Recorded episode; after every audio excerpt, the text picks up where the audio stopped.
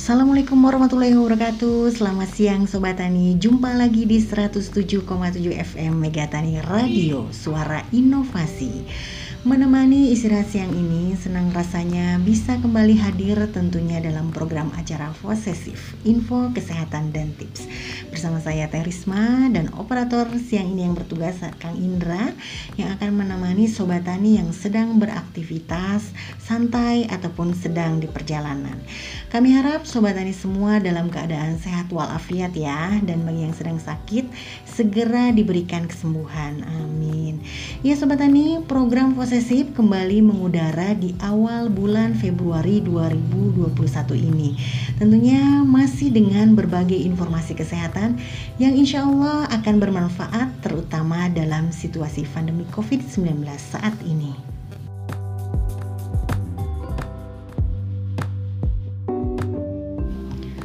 Kembali di 107,7 FM Megatani Radio Suara Inovasi.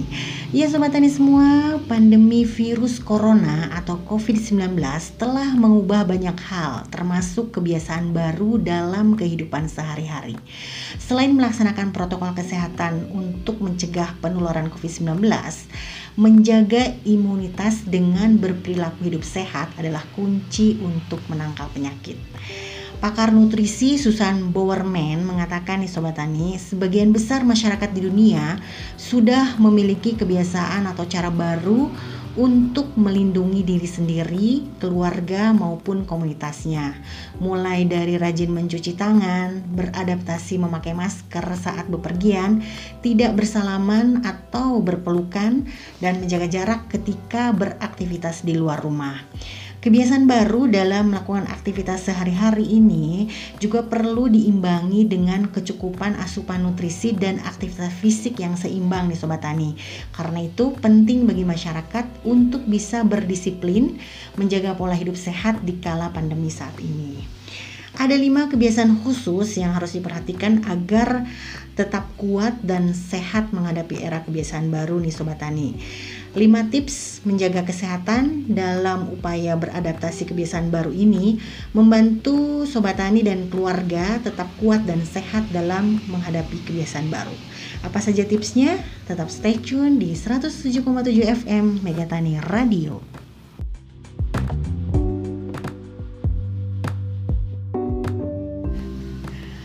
Ya kembali lagi Sobat Tani masih di posesif info kesehatan dan tips. Ini dia tips yang pertama untuk menjaga kesehatan dalam upaya beradaptasi kebiasaan baru. Yang pertama adalah persediaan makanan yang sehat Tentunya sebagian besar orang sadar akan pentingnya mengkonsumsi makanan sehat dalam menghadapi masa adaptasi kebiasaan baru ini. Yaitu dengan yang pertama, makan variasi makanan segar setiap hari. Dikutip dari lama, laman WHO nih Sobat Tani, anda dianjurkan untuk makan setidaknya 5 porsi buah-buahan dan sayuran kurang lebih sekitar 400 gram dan produk biji-bijian dari tumbuhan 160 gram serta eh, 180 gram biji-bijian utuh perharinya. Sementara itu daging merah cukup dikonsumsi sebanyak 160 gram setiap 1 sampai 2 kali seminggu dan daging ayam 2 sampai 3 kali per minggu. Catatan pentingnya adalah sebaiknya jangan memasak sayuran dan buah terlalu lama agar kandungan nutrisinya tidak hilang. Untuk yang kedua nih Sobat Tani, makanan yang sehatnya itu kita minum juga nih air putih. Jangan lupakan air putih. Air membantu mengedarkan nutrisi dan komponen-komponen penting dalam darah ke seluruh tubuh. Cairan juga memainkan peran dalam mengatur suhu tubuh, membuang zat-zat sisa, serta melumas sendi. Kebutuhan air untuk tiap orang pasti berbeda-beda nih Sobat Tani ya. Itu bisa tergantung dari usia, jenis kelamin, berat dan tinggi badan, jenis aktivitas, serta kondisi lingkungan. Biasanya sebanyak 20 sampai 30% sumber cairan dalam tubuh itu berasal dari makanan ya, dan minuman yang biasa kita konsumsi nih sobat tani. Jadi untuk minum ini sebaiknya 8 sampai 10 gelas setiap hari. Tidak mesti air putih, tapi eh, sobat tani juga bisa meminum jus buah dan sayuran segar, sup, air lemon, kopi dan teh. Ingat sebaiknya sobat tani jangan mengkonsumsi kafein berlebihan, jus dan sirup yang mengandung gula tinggi serta minuman bersoda.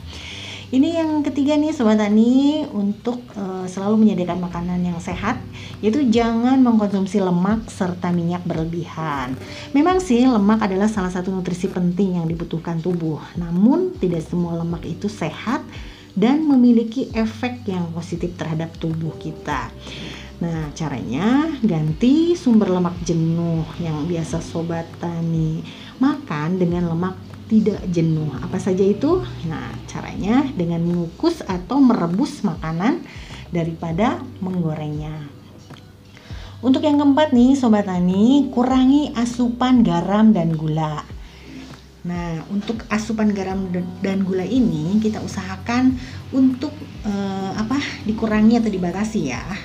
Dan bahan-bahan yang lainnya seperti eh, dan bahan-bahan yang mengandung sodium lainnya seperti kecap nih. Sebagai alternatifnya, Sobat Tani bisa menggunakan rempah-rempah untuk menambahkan rasa pada masakan. WHO menganjurkan nih Sobat Tani untuk memakai garam beriodium dan mengkonsumsi garam kurang dari 5 gram atau sekitar 1 sendok teh setiap hari. Kalau ingin makan makanan kemasan atau kalengan, jadi kita dilihat juga nih atau pilih produknya yang tidak mengandung tambahan gula dan garam. Nah, untuk menyediakan makanan sehat selanjutnya, ini ada tips yang ke lima adalah stop dulu nih makan di luar. Nah, dengan makan di rumah, otomatis nih ya, setidaknya risiko terhadap infeksi penyakit COVID-19 bisa dikurangi. Nah, kalau kita berada di restoran, kafe, atau rumah makan, itu dapat meningkatkan kemungkinan kita terpapar droplet dari orang yang diduga terinfeksi virus corona. Apalagi Anda sobat tani juga tidak tahu pasti apakah permukaan meja dan kursi di tempat uh, tersebut tempat makan itu dibersihkan secara rutin. Jadi stop dulu makan di luar. Untuk yang keenam, penuhi asupan vitamin D selama di rumah. Nah, seperti kita ketahui bersama nih Sobat Tani, matahari adalah sumber vitamin D terbaik. Namun saat pandemi ini mungkin beberapa orang tidak mendapatkan asupannya sesuai rekomendasi. Oleh karena itu, nah, Sobat Tani perlu melengkapinya dari makanan sehari-hari. Contohnya apa aja nih vitamin D? Ada kuning telur, hati, ikan berlemak, dan produk makanan olahan yang sudah diperkaya vitamin D. Sobat Tani bisa juga memenuhi kebutuhan vitamin D ini dari suplemen. Untuk yang ketujuh nih, Sobat Tani, tadi ya kita sudah bilang suplemen ya. Jadi memang suplemen itu harus dilengkapi Sampai saat ini belum ada bukti bahwa suplemen bisa meningkatkan kekebalan tubuh dari infeksi perut, virus dari infeksi virus seperti COVID-19. Meski meskipun begitu, suplemen dan multivitamin tambahan dapat membantu melengkapi kebutuhan nutrisi harian ya. Jadi hal ini secara tidak langsung akan memelihara fungsi serta kesehatan sistem imun. Beberapa suplemen yang mampu menjaga kekebalan tubuh di antaranya yaitu vitamin C, meniran, kunyit, dan habatus sauda. Nah, dan jangan lupa nih Sobat Tani, kaitannya dengan jemur menjemur tadi di matahari ya. Sebaiknya kita berjemur di bawah sinar matahari itu selama 15 sampai 30 menit setiap harinya. Akan tetapi sebaiknya berjemur tidak dilakukan lebih dari 30 menit tanpa proteksi sunscreen. Itu jadi bisa merusak kulit ya. Untuk yang kelapa nih, persediaan makanan sehat tadi, tips yang berikutnya adalah penuhi kebutuhan gizi bayi dan anak-anak. Tidak hanya orang dewasa nih Sobat Tani, asupan nutrisi bayi dan anak-anak juga harus dipenuhi. Nah, bayi itu biasanya mendapatkan gizinya dari air susu ibu. Di samping itu, ASI adalah salah satu-satunya makanan yang bisa dicerna oleh bayi. Nah, WHO juga menganjurkan ibu hamil untuk menyusui bayinya secara eksklusif ya Tentunya selama enam bulan pertama setelah kelahiran dan setelah enam bulan tambahkan makanan pelengkap ASI mulai dari yang teksturnya lunak, semi padat hingga padat. Dan ASI ini sebaiknya dilanjutkan hingga si kecil berusia 2 tahun. Yang kesembilan, jangan lupakan keamanan pangan. Jadi, praktik kebersihan dan keamanan pangan ini bisa meminimalisir penularan penyakit ya Sobat Tani yang diperantarai makanan. Tidak terkecuali COVID-19. Jadi, ada saran, ini ada beberapa saran untuk keamanan pangan ini. Jadi yang pertama, mencuci tangan dengan air dan sabun selama 20 detik sebelum dan sesudah mengolah makanan serta setelah makan. Yang kedua, menutup hidung dan mulut dengan tisu atau lengan saat hendak batuk atau bersin.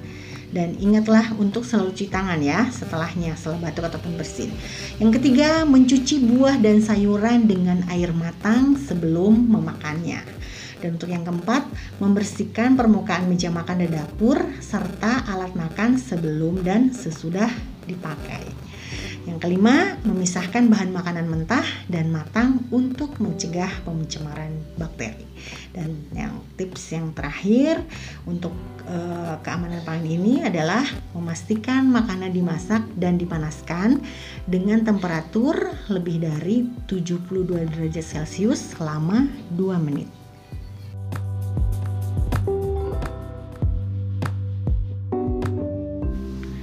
Kembali di 107,7 FM Megatani Radio Suara Inovasi Ini dia tips yang kedua nih Sobat Tani Untuk menjaga kesehatan dalam upaya beradaptasi kebiasaan baru Yaitu meningkatkan konsumsi protein Nah, protein ini sangat penting untuk tubuh dalam mendukung kesehatan tulang, otot, jaringan ikat, dan rambut.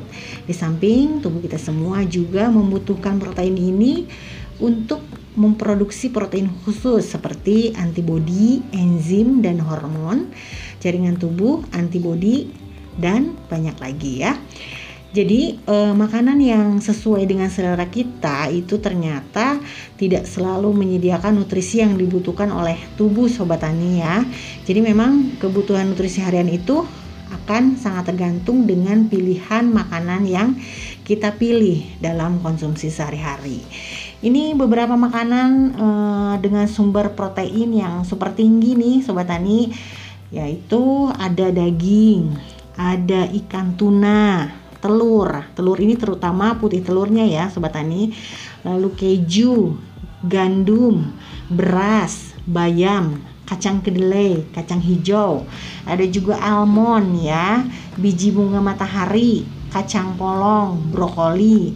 Untuk susunya ada susu sapi, susu kambing dan ini ada uh, kentang juga ya. Nah, itu untuk tips yang kedua. Nah, untuk yang tips yang ketiga dalam menjaga kesehatan dalam upaya beradaptasi kebiasaan baru yaitu adalah meningkatkan konsumsi flavonoid. Apa sih flavonoid? Nah, flavonoid itu adalah kelompok senyawa bioaktif yang banyak ditemukan pada bahan makanan yang berasal dari tumbuhan, dari tumbuhan ya sobat tani.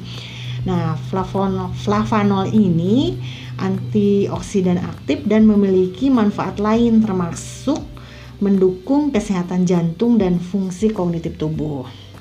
Nah, selain bermanfaat sebagai antioksidan, flavonoid juga dapat berperan untuk meredakan peradangan, membantu tubuh melawan infeksi virus dan reaksi alergi, bahkan memiliki sifat anti kanker.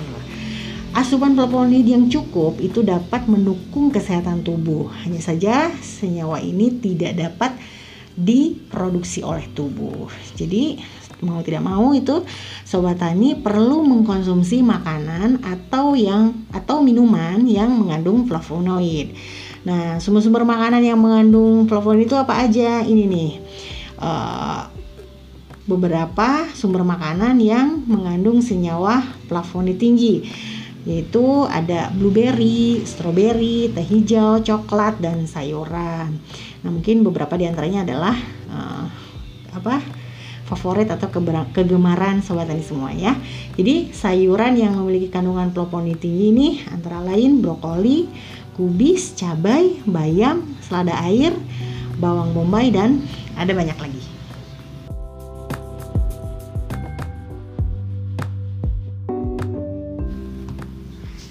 Kembali di 107,7 FM Megatani Radio Suara Inovasi Masih di posesif Sobat Tani Info Kesehatan dan Tips.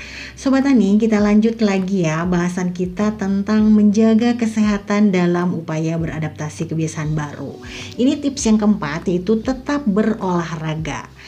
Ini Sobat Tani, ternyata di masa pandemi ini ya banyak fasilitas olahraga dan taman itu ditutup atau tetap dibuka tapi dengan akses uh, yang terbatas.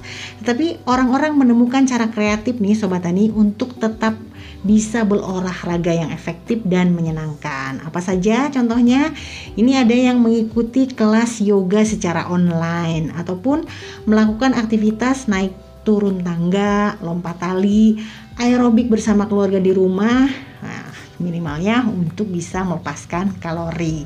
Nah, sobat tani semua juga dapat melakukan olahraga sederhana cukup di rumah secara rutin ya untuk dapat meregangkan dan memperkuat tubuh.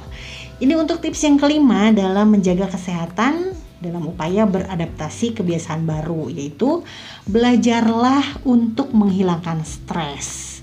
Nah, di awal masa pandemi COVID-19 ini banyak orang mengalami stres dan depresi karena perubahan yang tiba-tiba dalam kehidupan sehari-hari.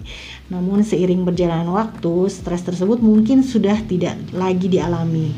Namun beberapa orang nih justru mengalami stres baru karena kondisi pandemi yang tak kunjung usai.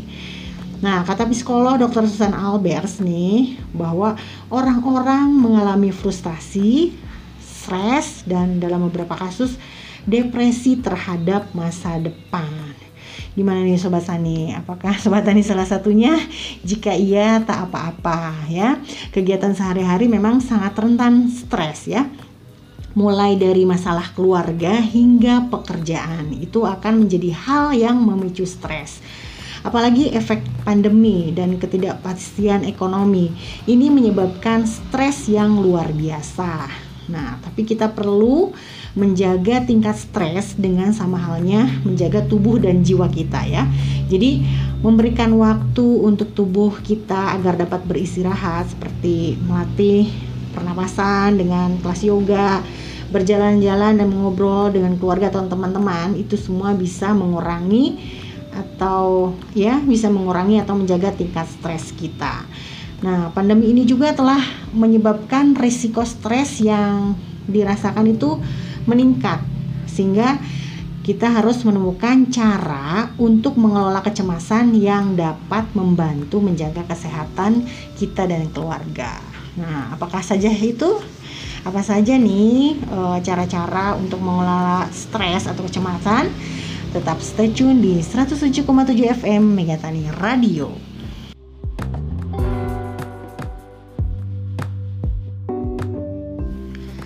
Masih dari Jalan Kayu Ambon 80 Lembang Megatani Radio 107,7 FM Suara Inovasi Masih di posesif Sobat Tani Info Kesehatan dan Tips Jadi Sobat Tani ini ada saran dari Dr. Susan Albers Yang mungkin bisa membantu mengurangi rasa stres uh, secara perlahan Terutama di masa pandemi ini yang pertama ini meng, e, caranya yaitu mengambil kendali. Jadi kita sebaiknya membuat daftar mengenai hal-hal apa saja yang berada di dalam kendali kita dan kumpulkan energi untuk fokus pada hal-hal tersebut.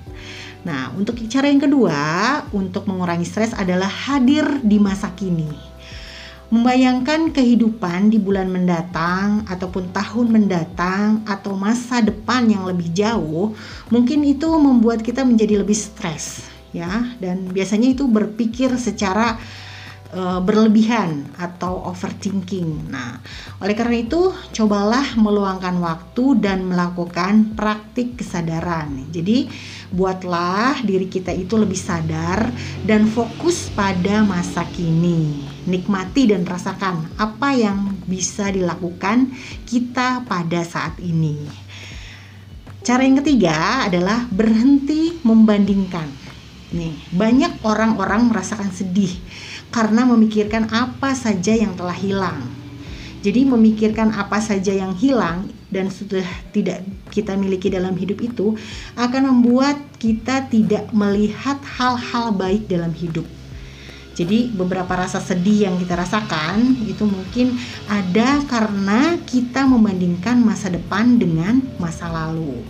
Jadi jika sobat tani hanya melihat apa yang terjadi hari ini, jadi eh, apa mungkin menyadari bahwa hidup itu tidak seburuk apa yang kita pikirkan ya. Jadi berhenti membandingkan masa lalu dengan masa saat ini atau masa depan. Nah, untuk yang keempat, cara untuk mengurangi stres adalah tetap melangkah ke depan jadi pikiran-pikiran buruk kita itu akan membuat kita seperti terus berada di pola yang sama.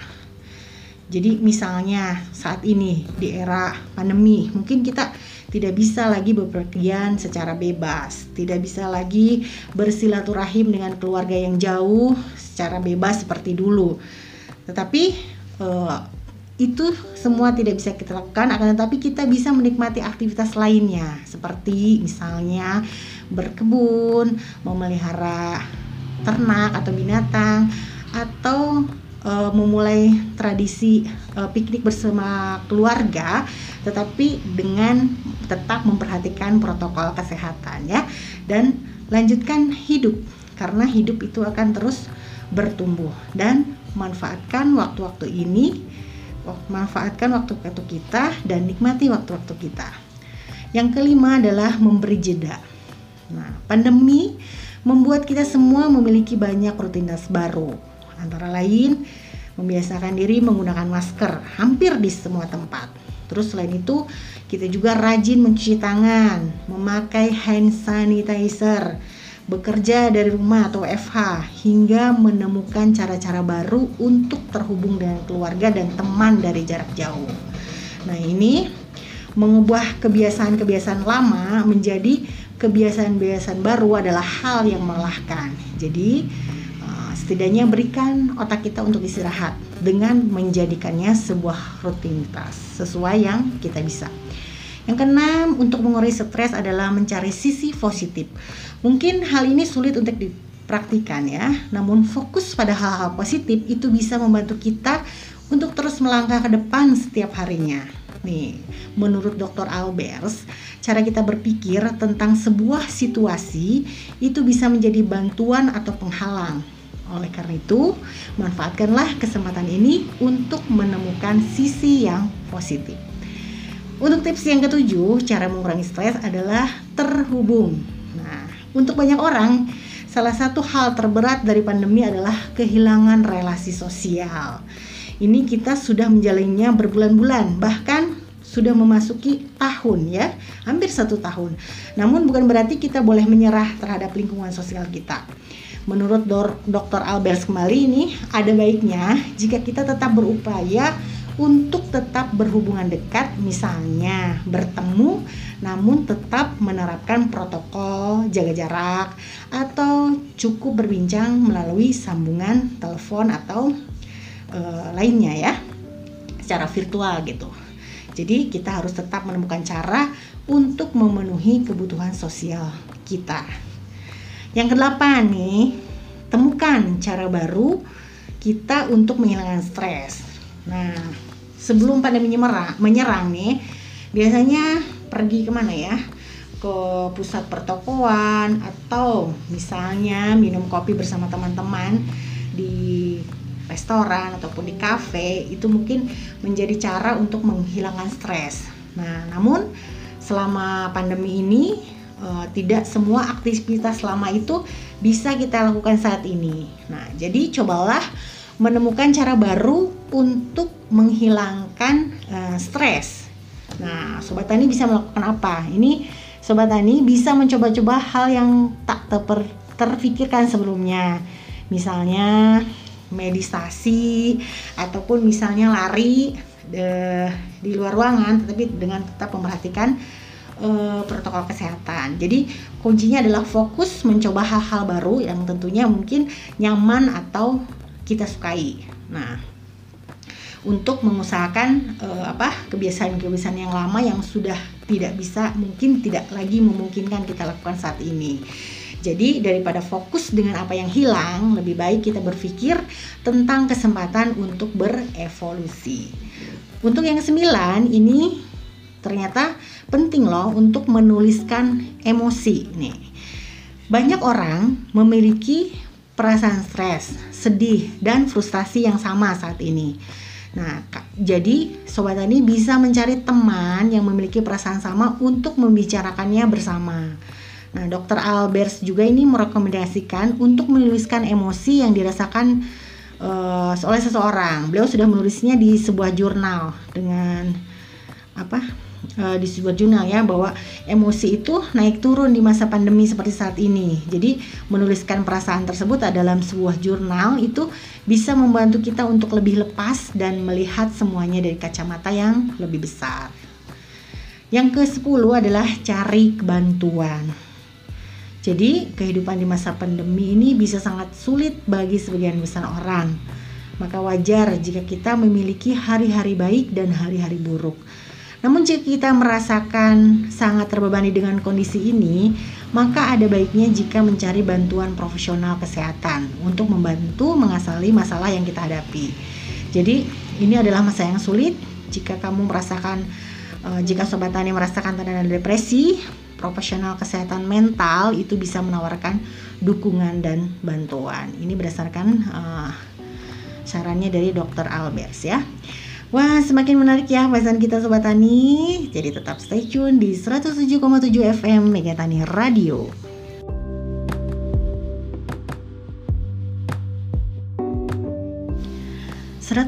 tujuh FM Megatani Radio Suara Inovasi Ya, tidak terasa nih Sobat Tani, sudah hampir satu jam kami menemani siang Sobat Tani semua.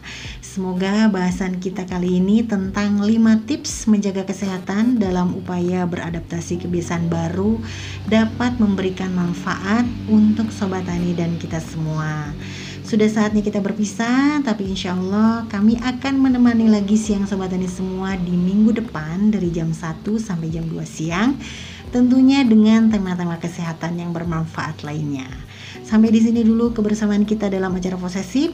Terima kasih untuk kebersamaannya. Saatnya seluruh kru yang bertugas pamit. Selamat siang dan selamat beraktivitas kembali. Stay tune terus di 107,7 FM Megatani Radio, Suara Inovasi. Wassalamualaikum warahmatullahi wabarakatuh.